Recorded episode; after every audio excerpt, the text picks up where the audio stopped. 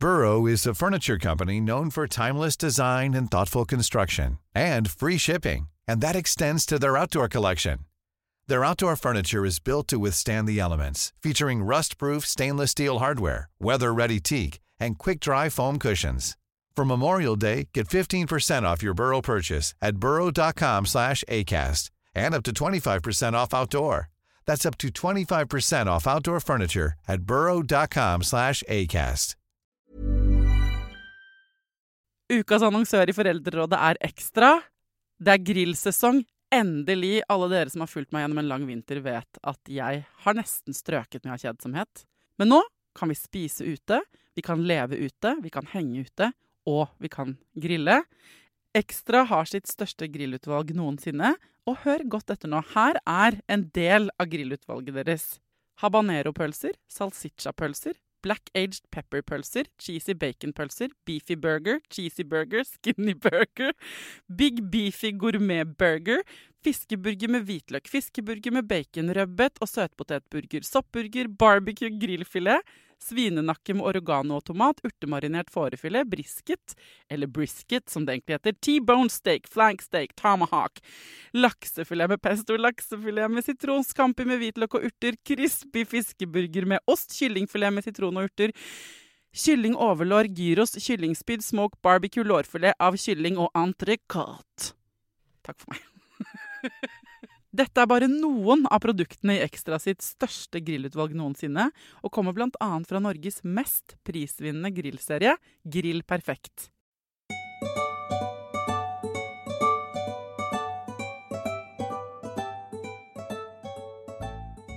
Hjertelig velkommen til en spesialepisode av Foreldrerådet med eh, bare meg, Thea, og deg som hører på, fra eh, hytta.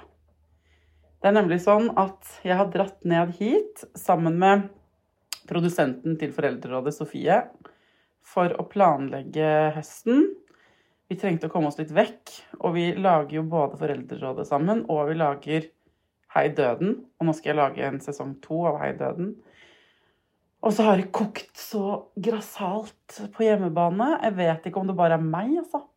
Men eh, jeg føler at jeg fortsatt ikke er inne i hverdagen, egentlig. Sånn ordentlig. Altså, det lugger fortsatt liksom etter sommerferien. I hvert fall så var det en god avgjørelse vi tok, syns jeg, da vi bestemte for å rømme byen og dra ned hit på Kula, da, som denne hytta heter. Så nå sitter jeg i en litt kort kurvsofa, rottingsofa, som lager denne lyden når jeg beveger meg.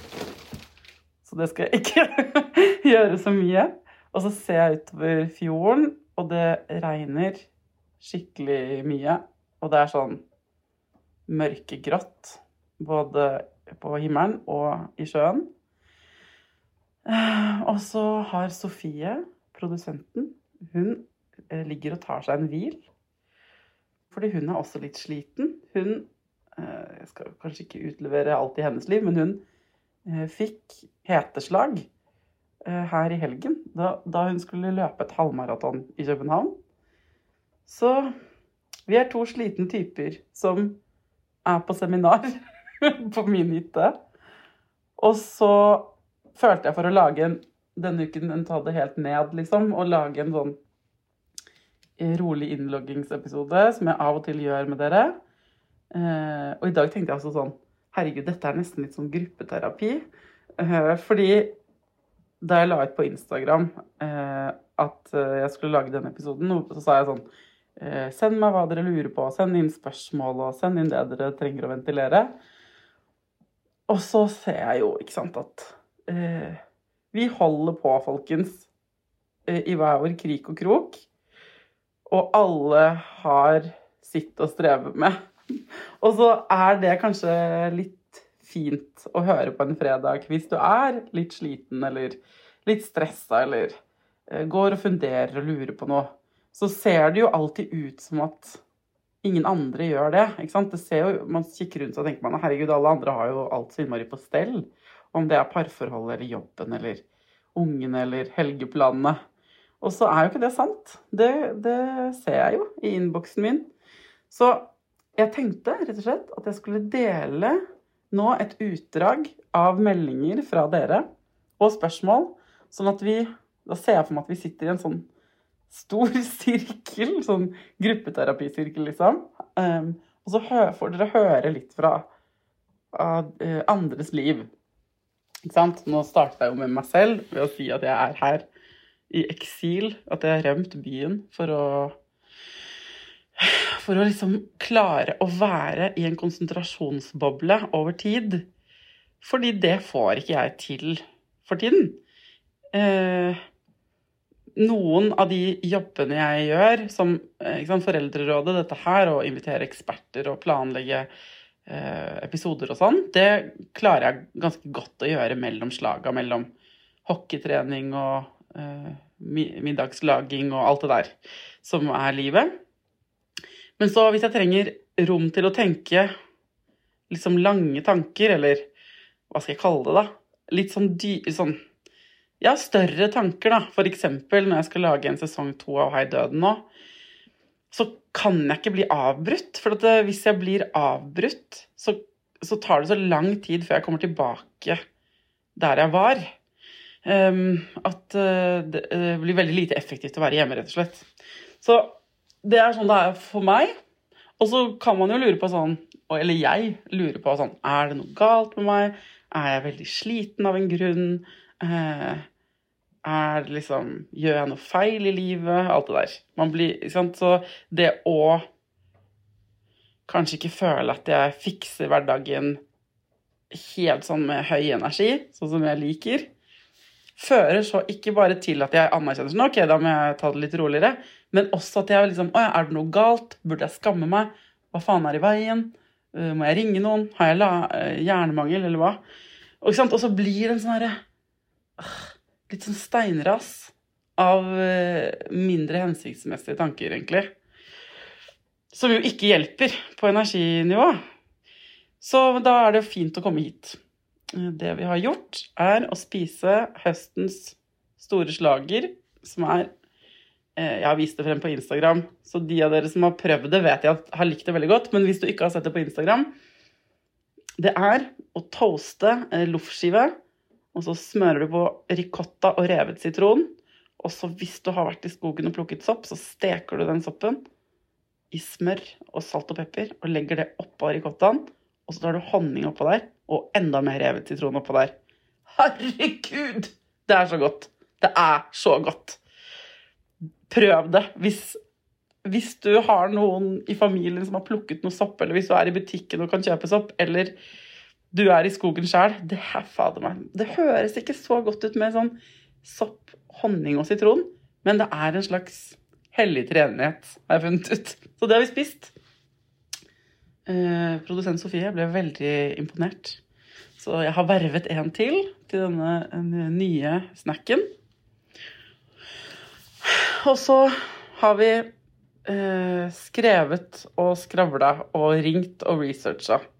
Så eh, det er et veldig godt tidspunkt å sende innspill til episoder og ønsker om ting og sånn på nå, for nå er vi, nå er vi veldig i planleggingsmodus. Det var meg. Jeg har det ganske bra. Men jeg syns sommeren har vært altfor kort. Jeg føler at jeg burde hatt fulladede batterier av sol, sene kvelder, liksom litt sånn hvitvin, venner. Og Knut, min kjæreste, har sagt hele tiden sånn Men det kommer en Indian summer. Men nå er vi jo snart i oktober. Den, hvor blir den Indian summeren av? Så jeg føler ikke at jeg har fått ladet opp batteriene, og er da jeg har det fint, men jeg er bekymra for jeg er litt bekymra for hvor fort jeg kommer til å nå bunnen av energi. Av liksom, altså batteriet går tomt, da. Jeg føler ikke at jeg er klar for en uh, fem måneder mørketid, liksom. Og det er det flere som deler med meg, da, sånn at uh, jeg kan si i denne gruppeterapien så er, uh, er det flere som har skrevet inn på akkurat det temaet. Det er en som sier sånn Herregud, høsten kommer altfor brått. Det er veldig overveldende. Jeg har ikke hodet over vannet. Hva trenger vi nå? Det er gøy at du spør meg om det, for jeg har ikke pipling på hva vi trenger. Jeg har nesten ikke snøring på hva jeg selv trenger engang. Eh, jeg tror det hadde vært digg for oss med masse sol. Hvis jeg hadde på en måte vært gruppelederen vår, så hadde jeg sagt sånn Det vi trenger, dere Nå tar jeg en sjefsavgjørelse. Vi trenger å legge vekk alt det vi holder på med. Og så trenger vi å gå og legge oss eh, i et svalt rom og hvile helt til du tenker og kjenner at kroppen din vil stå opp igjen. Noen kommer til å sovne og bare sove lenge. Noen kommer til å bli liggende og vri seg litt og tenke at jeg vil ikke ligge her. Andre vil lese bok, kanskje. Men alle skal hvile helt til de kjenner i kroppen at de vil reise seg opp. Og Det er det første vi skulle gjort hvis jeg hadde tatt en sjefsavgjørelse. Og så hadde vi fått veldig Så hadde jeg bestemt at vi måtte tatt veldig mye Fått veldig mye sol. Uh, og da må du ikke liksom ligge og sole deg midt i fleisen, men jeg tror vi hadde trengt uh, D-vitamin, varme og bli solvarme helt sånn innerst i beinet. Så uh, da hadde jeg kanskje tatt med alle oss til en strand et sted hvor man kunne både sitte i skyggen og lese, bade, gå tur, skravle, sole seg, høre på podkast. Men sol hadde vært en del av dietten. Mm, og så hadde en del av det jeg mener vi trenger, er å bade i salt sjø. Forfriskende, rent saltvann. Eh, så de tre tingene, hvile, sol og sjø, det er det jeg mener vi trenger. Det, det tror jeg kunne vært en ganske sånn generelt god idé. Ja. Og så vet jeg jo ikke utover det hva det er du trenger. Jeg syns også det er veldig vanskelig å kjenne etter hva det er jeg trenger. Og jeg syns folk rundt meg virker som om de har så god oversikt over hva de selv trenger. Ehm, jeg blir imponert, på en måte, når folk sier sånn åh, men det jeg trenger nå, det er å gå meg en tur og gjøre det og det og det så tenker jeg sånn Wow! Eh, imponert. Så til deg som nå eh, kjenner etter sånn, hva er det jeg trenger, og hvis du får svar innifra sånn Nei, du trenger en uh, brødskive med leverpostei. Eller åh, oh, det jeg trenger, er å få litt uh, barnefri. Så applauderer jeg uh, den evnen. For det er veldig bra når kroppen svarer på det spørsmålet. Og så hvis du er i den delen av gjengen som ikke får noe svar når du spør innover I hear you. Da blir man gående litt rundt og virre. Og da er mitt beste råd å prøve å holde den telefonlinja innover åpen, på en måte. Og så hvis det på et eller annet tidspunkt kommer en beskjed sånn Nei, kanskje et glass med vann hadde vært digg? Ja, da må du bare agere på det. Lille blaff av et behov. For da føler jeg at kroppen blir sånn OK, men okay hun, hun, hører på meg. Da kan jeg fortsette å sende sånne beskjeder om det jeg trenger. Hvis man ikke får tak i noen av behovene sine, hvis det er helt sånn summetone på den telefonlinja, så er det et tegn på at uh, man ikke har hørt noe særlig etter en god stund, tenker jeg da. Men altså, hvem vet? Jeg er ikke noen psykolog. Jeg vet ikke. Hun er den ene psykologen som har vært på besøk i Foreldrerådet noen ganger, Eva Tryti, og eh, Dora Toralsdottir faktisk også, har begge to snakket om det at hvis du ikke kjenner hva du trenger, da må du virkelig sette av tid for å høre etter. Det er et signal på liksom, overbelastning på systemet, da. Og så er det lettere sagt enn gjort, da. For det, det er jo gjerne andre mennesker som krever skitt og jobb og um, fritidsaktiviteter. Jeg har aldri skjønt, jeg, dere, uh, hvor mye styr det er å drive med en lagidrett, at barnet ditt driver med en lagidrett, før nå, når Tidemann man går på hockey. Jeg har hørt om det ikke sant, i disse årene jeg har hatt foreldreråd, og jeg har venner selvfølgelig som har barn i sånn uh, organisert idrett. Og Tidemann man har spilt fotball, men det var liksom ikke så intenst. Fytti grisen, så mye styr det er. Og for de av oss som ikke har vokst opp med en sånn romantisk eh, vibe, eller sånn eh, Altså en romantisk forståelse av det å stå i en hall, eller en ishall eller håndballhall eller hva det nå er, eh, så er det ekstra krevende, må jeg si. Jeg vet at noen foreldre blir sånn Å, herregud, meningen med livet er å stå og selge vafler og se på fotballturnering, liksom. Jeg elsker de helgene hvor vi er oppe tidlig og Det er jo noen som har det sånn. For det minner dem om egen barndom og sånn. Eh, det, jeg er ikke en av dem. Så det må jeg lære meg å elske, rett og slett. Fordi vi har vært på eh, hockeyturnering i Sverige, vi nå nylig. Um, og hvis man ikke har et barn som har drevet med hockey, så vet man heller ikke liksom hvor mye det kan lukte av barneidrett eller ungdomsidrett. For den lukta er stram.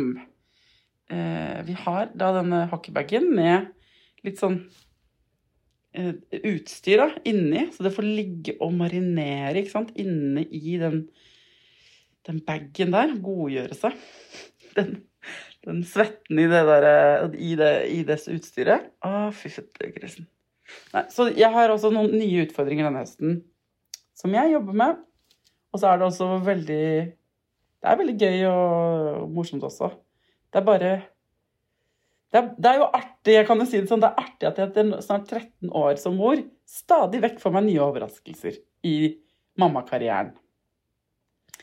Det er en annen i, i, som har skrevet til meg her. Å, det er så travelt. Pauseknappen eksisterer jo ikke. Hjelp, hvordan kan jeg leve roligere? Jeg vil ha konkrete tips. Uh, ja. OK. Det er veldig travelt. Jeg er helt enig. Når du sier det, uh, kjære lytter, så, og jeg leser det høyt her, så nikker mange andre unisont med headsetene sine på idet de hører det. Ja, det er veldig travelt. Og nei, det er ikke noe pauseknapp.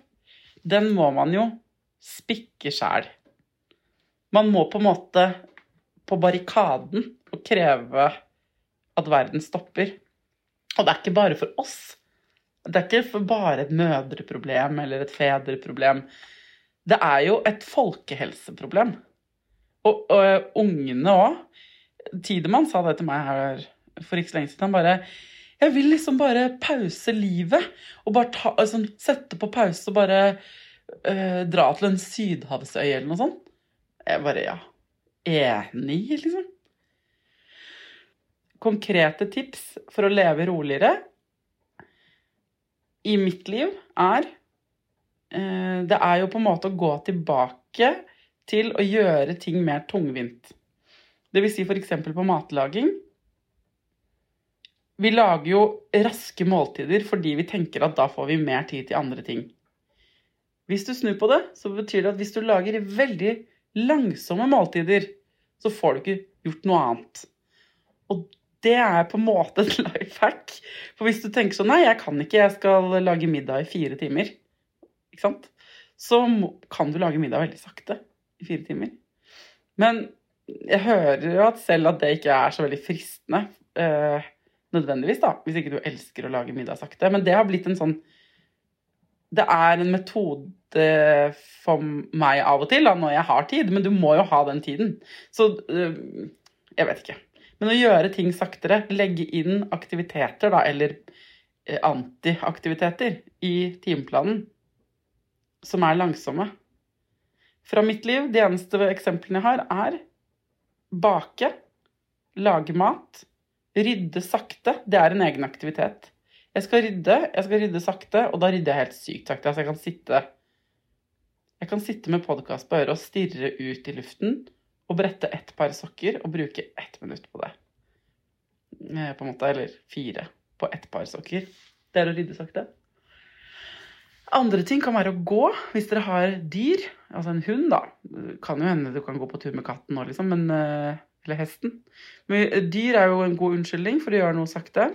Børste en hest veldig, veldig sakte. Eh, gre en katt. Eller gå på tur med en hund. Gå i skog. Gå på tur er jo en aktivitet.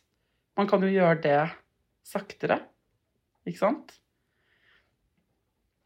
Eh, dette er de mest konkrete tipsene jeg kommer på. Det er å sove mer være mindre på skjerm, alle de tingene der. Men det går jo ikke hvis det at du skal gjøre de tingene, gjør at du må få unna 700 møter og eh, jobbmailer og eh, venninnesammenkomster eller bursdagsfeiringer eller sånn. Da må jo alt hvis, hvis ikke du skal slette noe fra lista, så må du jo presse alt det inn. Eh, før du skal gjøre ting sakte. Det, så det, går, det blir jo ikke Da går vinninga opp i spinninga, vil jeg tro.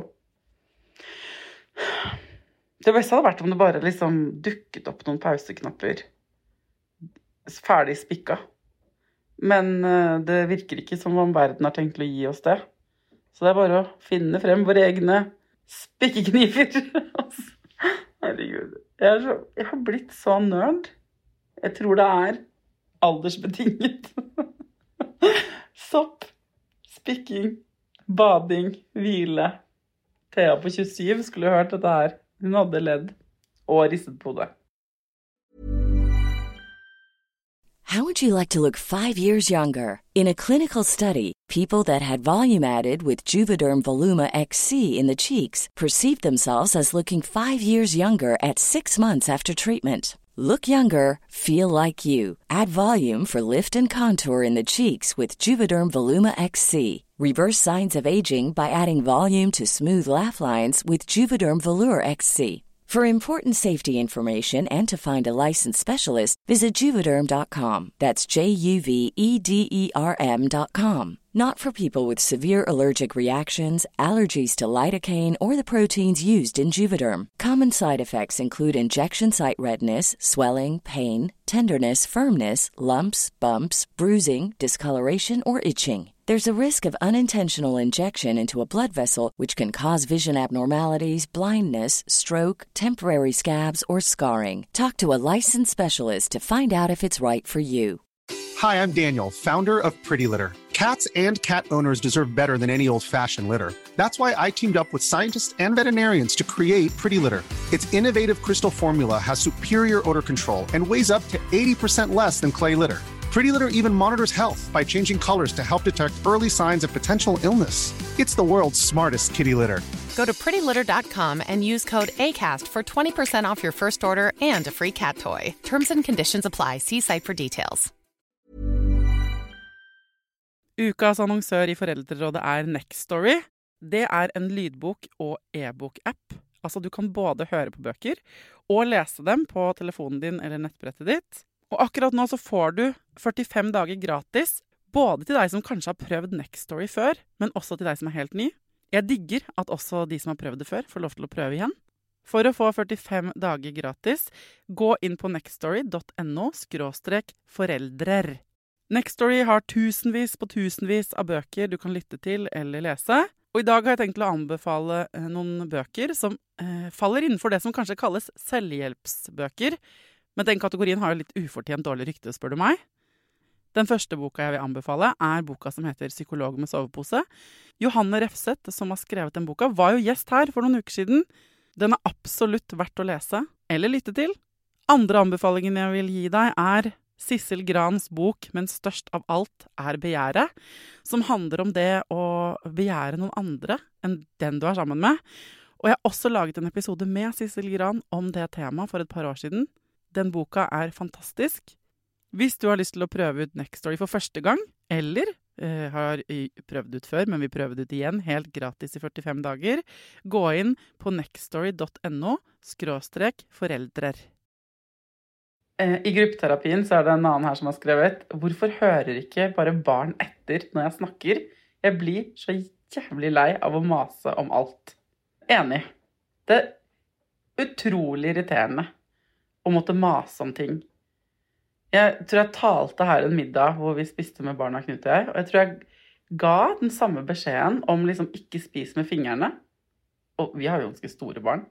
Jeg tror jeg kanskje ga den åtte ganger på en liten uh, uh, middag. Og det gjør jo at jeg blir så irritert at man må liksom gå rundt som sånne beskjedmaskiner og bare repetere seg selv. Det man har lyst til, er å være en kul forelder og snakke om interessante ting og bruke den energien på noe gøy. Og så går man bare rundt som sånn herre Som en stor Post-It-lapp med beskjeder. Som bare igjen og igjen og igjen klaskes i bordet. Det er veldig frustrerende. Og jeg jeg, jeg vet jo ikke. Jeg, vet jo, jeg, jeg, tror egentlig ikke det hjelper heller å gi de beskjedene. Så jeg er fristet til å bare la ungene seile sin egen sjø av og til, og la dem spise med fingrene, da. Eller bare sånn at jeg skal slippe å gi de beskjedene. Ja, så eh, jeg er jo ikke noe ekspert på barn. Jeg vet jo ikke hva som er riktig å gjøre. Men jeg tror ikke det er riktig at vi skal gå rundt og gjenta oss sjøl til vi kaster opp, liksom. Eller hva tenker dere andre i gruppeterapien? Jeg later som dere sitter rundt meg nå. Det er så lett å havne i en sånn tralt hvor man maser og maser og maser. Men da blir jo barna avhengig av at man maser, for det husker jo ikke de på ting selv. Så det kunne vært gøy, og kanskje en dag man har litt overskudd, tenke nå skal jeg ikke gi noen beskjeder. Eller jeg skal gi beskjeder, men jeg skal gi dem én gang. Um, og se hva som hadde skjedd. Så det kan jo være et tips til deg. eh, Å prøve det. Prøve det ut på en ettermiddag, liksom. Og verste, hva er det verste som kan skje, liksom? At de glemmer noe, da. At ikke de kommer når maten er klar. Det kan jo hende det er superdigg å leve for din egen del og bare ikke mase om noen ting. Andre ganger så tenker jeg at jeg maser fordi jeg er stressa. Sånn at jeg trenger å repetere ting for å føle en eller annen sånn kontroll. Um, at jeg, jeg innbiller meg at det er fordi jeg syns det er kjempeviktig at barna hører på meg, men det egentlig er fordi jeg er stressa, så jeg bare mater ut sånn blæ, blæ, blæ hele tiden. Det finner man jo ut da hvis man prøver å la være. Hvis du prøver å la være å mase, og stressbølgen kommer og tar deg, så er kanskje problemet hos deg og ikke hos ungene. Hilsen Thea ufaglært mamma. Uten noen ekspertutdanning. Bare understreker det. Det er også flere her eh, i innboksen min som trenger, som stiller spørsmål rundt parforhold. Jeg skal lage en, eh, flere episoder rundt eh, parforhold med eksperter denne høsten. Det er flere som i innboksen forteller at de syns sexlivet er vanskelig om dagen. Jeg vet ikke om det er en sånn Er det fordi høsten har kommet? Det kan hende. Kanskje folk eh, liksom mister piffen. Men eh, det kan jo være fint hvis du er en av dem og hører at du ikke er alene. At det er litt sånn vanlig. Nå skulle jeg jo hatt søsteren min her. Hun er jo sexolog. Hun er veldig god til å gi råd uh, når det gjelder sånne ting. Um, men jeg har også laget noen episoder om uh, samliv. Sex og samliv. Annet med en ekspert som heter Thomas Winther, og med Nanna for så vidt. Og med flere andre sexologer. Så det, eh, hvis dere trenger litt sånn innspo til hvordan man kan få sexlivet opp og gå, hvordan man kan få tilbake egen sexlyst, hva man kan gjøre når det blir liksom vanskelig i parforholdet, så ligger det i Foreldrerådet-feeden fra før. Jeg ville bare skrevet Hvis du googler Foreldrerådet og samliv eh, og, eller sex, så kommer det opp noen episoder. Den ene episoden faktisk, den førte til at veldig mange par begynte å ligge med hverandre igjen da den kom ut, så den anbefaler jeg ekstra. Jeg kan eh, legge den ut eh, som, på Story på Instagram eh, den, altså på fredag. Det er i morgen, da. Men i dag, for dere som hører den episoden. Men du er ikke alene hvis du strever med det. Og så er det flere økonomispørsmål. Folk har dårlig råd om dagen. Eh, må barna sko til 1200 kroner? Er det eh, Hvorfor er alt så dyrt? Hvorfor får jeg ikke tak i ting på salg? Jeg blir gal, jeg blir gal, jeg blir gal. Enig. Altså øh, Jeg tror kanskje vi Hvis det stemmer at vi er mer slitne denne høsten enn vi pleier, så tror jeg det også har en sammenheng med økonomi.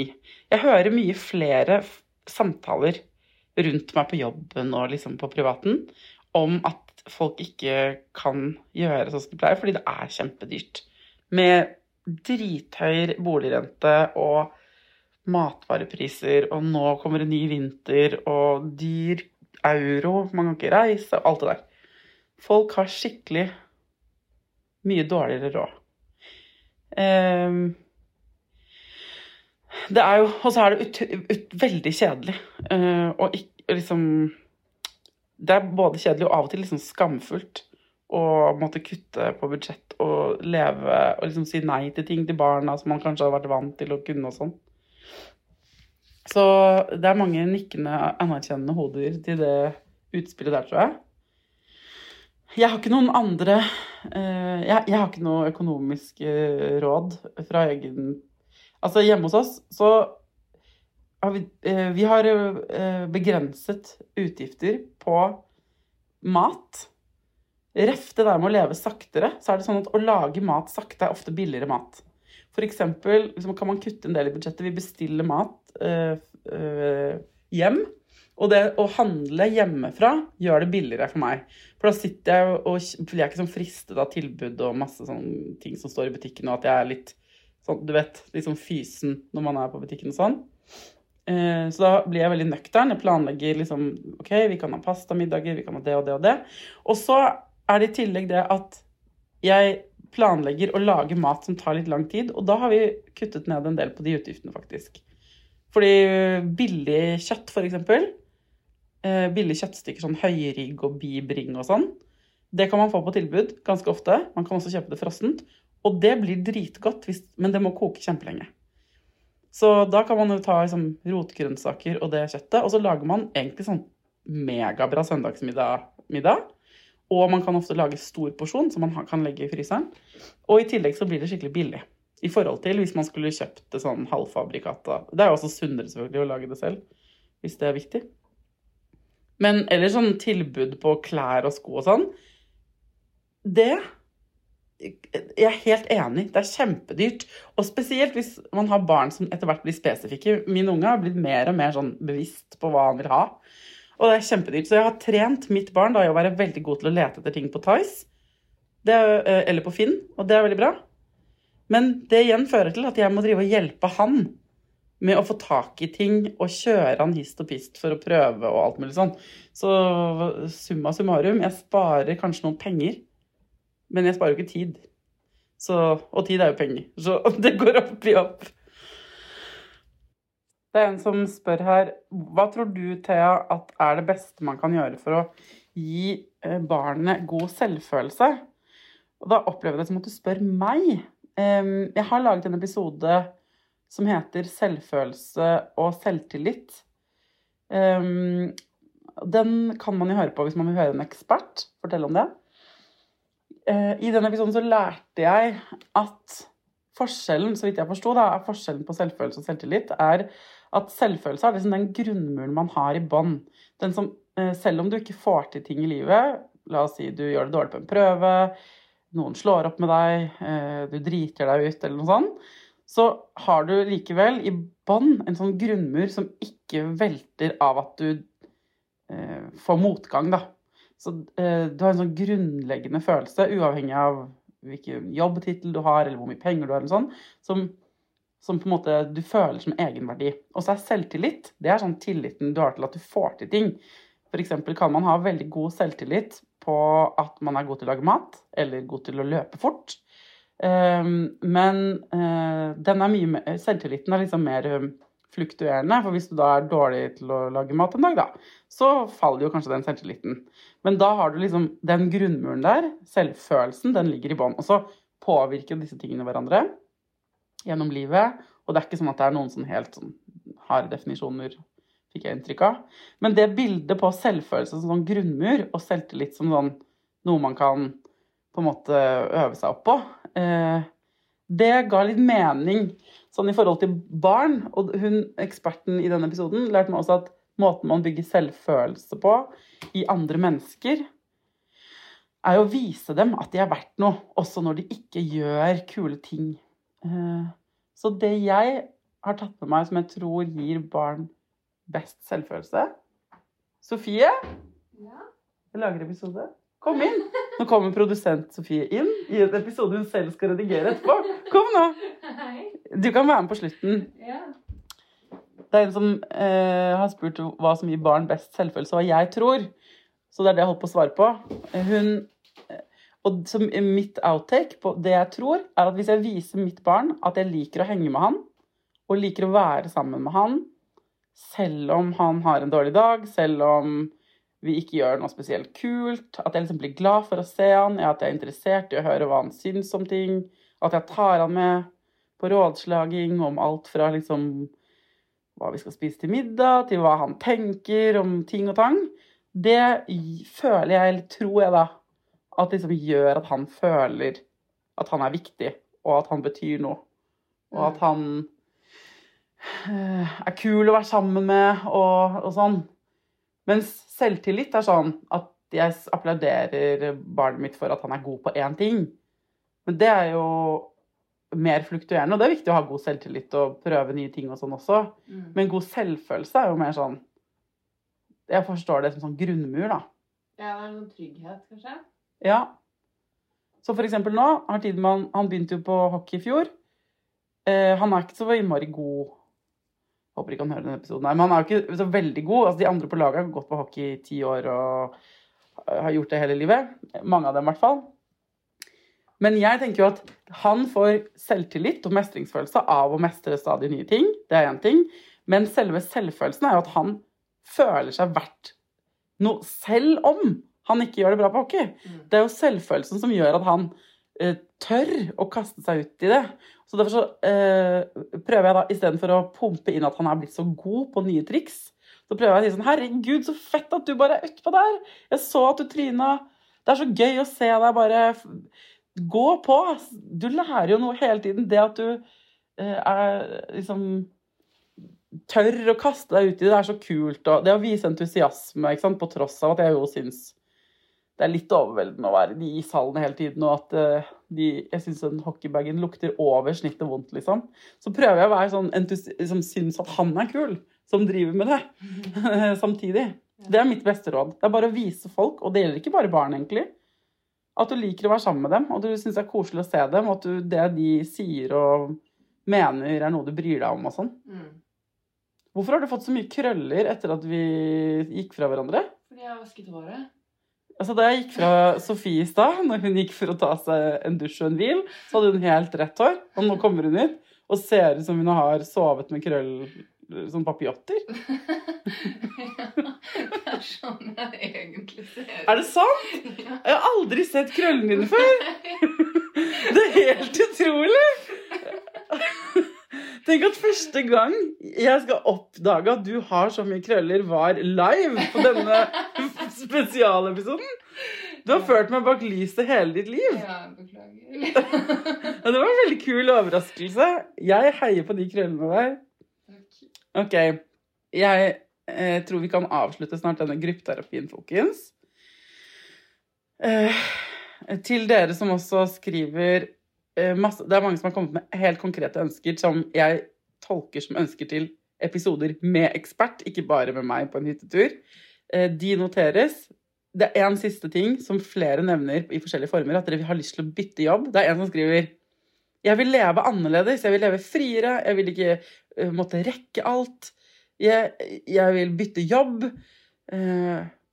Og det er flere som sier sånn Jeg vil så gjerne bytte jobb. Jeg vil bytte jobb. Hvordan gjør jeg det? En som bare hvordan, Jeg vet ikke hvor jeg skal starte. Den følelsen av at dette her Nå er jeg overveldet, dette er dritkjedelig, jeg orker ikke mer av dette, jeg vil ha et annet type liv. Ikke sant? Noen ganger så er det liksom det du trenger å høre sånn Det blir bedre. Bare stå i det litt til. Bare lag deg en pause og alt det der. Mens andre ganger så er det sånn Du bør bytte jobb. eh, Og du bør kanskje skille deg. Og du bør kanskje flytte til et annet sted, et annet land. Og jeg vet jo ikke hva som er lurt for deg, ikke sant? Det er det jo ingen egentlig som vet. Det må du finne ut av selv. Men til de av dere som har skrevet at dere øh, lurer på hvordan, hvordan liksom begynne en ny jobb Akkurat når det gjelder jobb, der er jeg Der mener jeg kategorisk at folk burde skifte jobber oftere. Jeg mener det. Og jeg har, øh, men det, jeg er jo ikke noe ekspert, jeg er ikke noe karriereveileder eller noe sånt. Hvis jeg hadde vært det, hadde jeg sagt ganske ofte sånn Skift jobb. Min tidligere sjef sa til meg Thea, du må jo ha en ny stillingsbeskrivelse hver, hver sjette måned fordi du blir lei. Så det er, det er et sånt menneske som snakker nå. Jeg er en sånn person. Men jeg skjønner ikke at folk sitter i samme jobb liksom ti år i- på rad. Mm. Jeg forstår det ikke. Jeg tenker Det er åtte timer av dagen din. ikke sant? Du, du skal bruke livet ditt på det. Det, du må være i utvikling. Og jeg er er imponert over de som elsker å gjøre det samme. Som, det er mange som finner trygghet. Jeg har masse venninner som har jobbet i de samme jobbene over tid. Ja. Noen ganger så endrer jo innholdet seg i de jobbene nok til at de får liksom utfordret seg og sånn. Men hvis du sitter på tampen nå på en fredags ettermiddag eller når du er du hører denne episoden, og kjenner sånn Jeg er lei av den jobben, ass. Herregud! Bytt! Gå, altså I begynnelsen så Du blir skremt bare av tanken, men gå på Finn. Sett opp et søk. Ikke sant? Hva er det du er keen på? Lukt på ting du ikke har noen kvalifikasjoner til å gjøre. Ikke sant? Fordi de fleste av oss um, søker, i hvert fall flest kvinner, søker på ting de er liksom overkvalifisert for. Uh, jeg, jeg mener at det er veldig sunt å søke på ting du egentlig ikke har kompetanse til. Altså Bortsett fra selvfølgelig sånn, du kan ikke bli Lege. lege. Ikke søk på sånn hjernekirurgjobb hvis du aldri har tatt i en eh, skalpell, på en måte. Eh, Der er det jo noen regler. Eh, Men, men på veldig mange andre jobber så, så, så kan man komme inn på intervju og bytte marked og beite. Ja. Så det, bare begynn på Finn. Det er ingen som trenger ikke å si det til noen gang. Bare begynn å drømme deg bort. Begynn å tenke hvordan ville du hatt det, hva er det du kunne tenke deg holdt på med. Legge ut noen føringer, og plutselig så får du napp, og så venner du deg til den tanken. Og så er det begynnelsen er det skummelt, men så venner du deg til det. Og plutselig altså, det, Du trenger jo ikke å si opp din nåværende jobb før du har fått helt ja fra en ny. Mm. Men det handler om å tørre å utforske det litt, og så modner det. Og plutselig så sitter du et annet sted og tenker 'herregud'. Og da er det skummelt og overveldende. Så, eh, altså det er jo et annet type ubehag, da. Men livet er for kort til å bli sittende i mange år i en jobb du vet du ikke liker. Og jeg mener jo også at livet er for kort til å sitte mange år i et parforhold du ikke har det noe bra i. Eh, jeg syns generelt at folk er veldig stuck ofte. Mm. Og, men det handler jo om at jeg er mindre redd for forandring enn jeg er for å bli stuck. Så det handler om hvordan jeg har det, da. Så jeg vet ikke om det Det er ikke sikkert det rådet gjelder for alle. Men i hvert fall på jobb.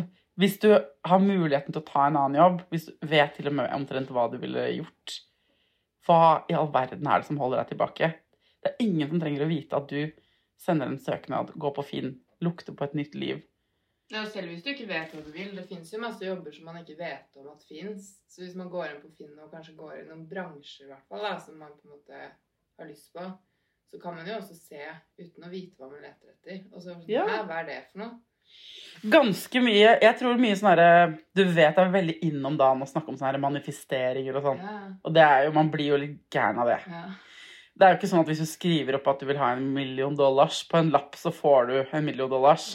Men jeg tror det egentlig er mye mer logisk en del av det der positive tenkning, manifesteringen. Eh, for jeg forstår det eh, altså, Og um, da kan jeg være litt enig i at det er At det kan virke litt magisk, da, men det er egentlig ikke magisk, det er logisk. For hvis du mm, Hvis du tenker jeg ønsker meg en ny jobb, så vil jo den manifestasjonsgreia være sånn Jeg ønsker meg en jobb hvor jeg kan gå hjem klokken fire hver dag, eksempel, da. Mm. Og så øh, ved at du sier det høyt til deg selv, og skriver det opp på en lapp eller i en bok, Mm. så begynner hjernen din å lete etter de mulighetene. Men det er jo det det handler om. Det er jo å manipulere seg selv. Eller å hjernevaske seg selv. Og så tror man at det var magisk fordi man ønsket seg det en gang. Men det er jo fordi man har bestemt seg for at det er det man vil. Ja. Og da begynner man jo å jobbe mot det. For det som skjer da, er at du begynner å se etter jobber automatisk, og så tør du å gå ut på Finn, og så luker du vekk de som da har sånn turnusjobbing hvor du jobber kveld. For du har, velger da bare jobber som er ferdig klokka fire, da, hvis det er det du drømmer om. Eh, og som kanskje har den og den lønnen, eller noen av de andre kriteriene du har manifestert i den boka. Eh, og så eh, lager du etter hvert en li søkeliste, ikke sant? og så begynner du å sende søknader, og plutselig så sitter du da i den jobben, og så noen år etterpå så går du tilbake i den boka og sier sånn Herregud, det er jo helt utrolig. Jeg drømte jo om. Se her, det har gått i oppfyllelse. Det har ikke gått i oppfyllelse. Du you made shit happen. ja. Og alle ting vi ender opp med, det er jo ikke sånn at uh, Nå sitter jeg og ser ut på en båt som jeg kjøpte i sommer til Tidemann, så han skulle lære seg å kjøre båt. Og han drømte om denne båten hele vinteren.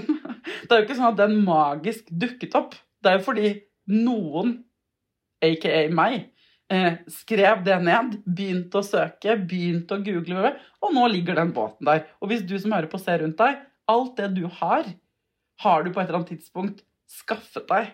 Ikke sant?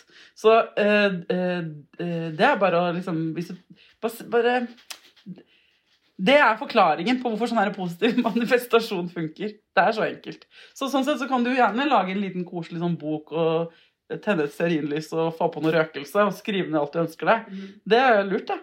Um, og, så, og så er det ikke bare det som Det holder ikke bare det. Du må jo også søke den jobben på Finn eller yeah. sånt. Men uh, gjør det.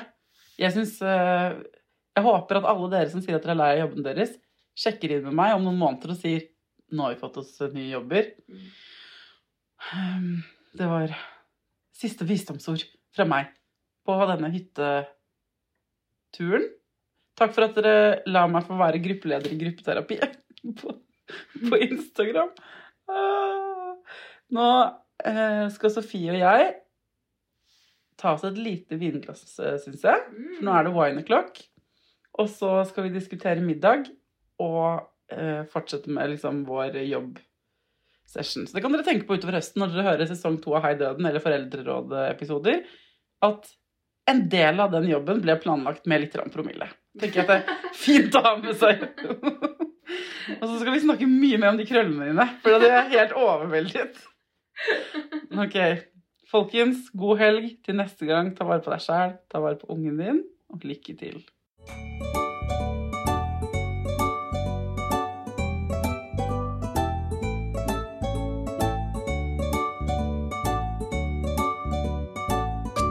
Produsert av Klinge.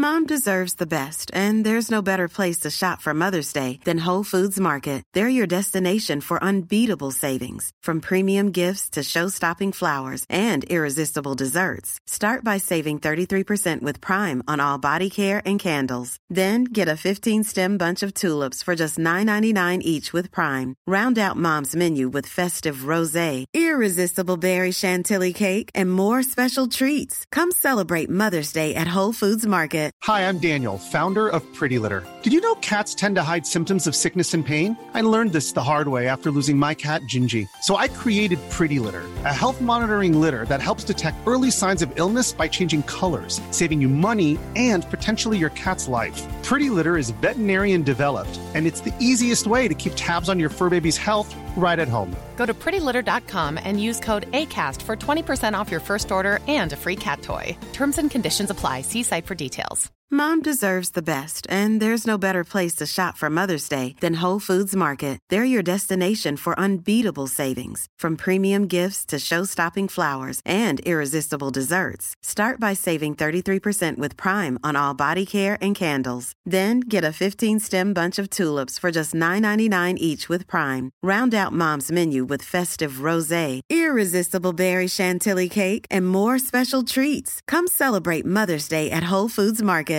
Hi, I'm Daniel, founder of Pretty Litter. Did you know cats tend to hide symptoms of sickness and pain? I learned this the hard way after losing my cat, Gingy. So I created Pretty Litter, a health monitoring litter that helps detect early signs of illness by changing colors, saving you money and potentially your cat's life. Pretty Litter is veterinarian developed, and it's the easiest way to keep tabs on your fur baby's health right at home. Go to prettylitter.com and use code ACAST for 20% off your first order and a free cat toy. Terms and conditions apply. See site for details.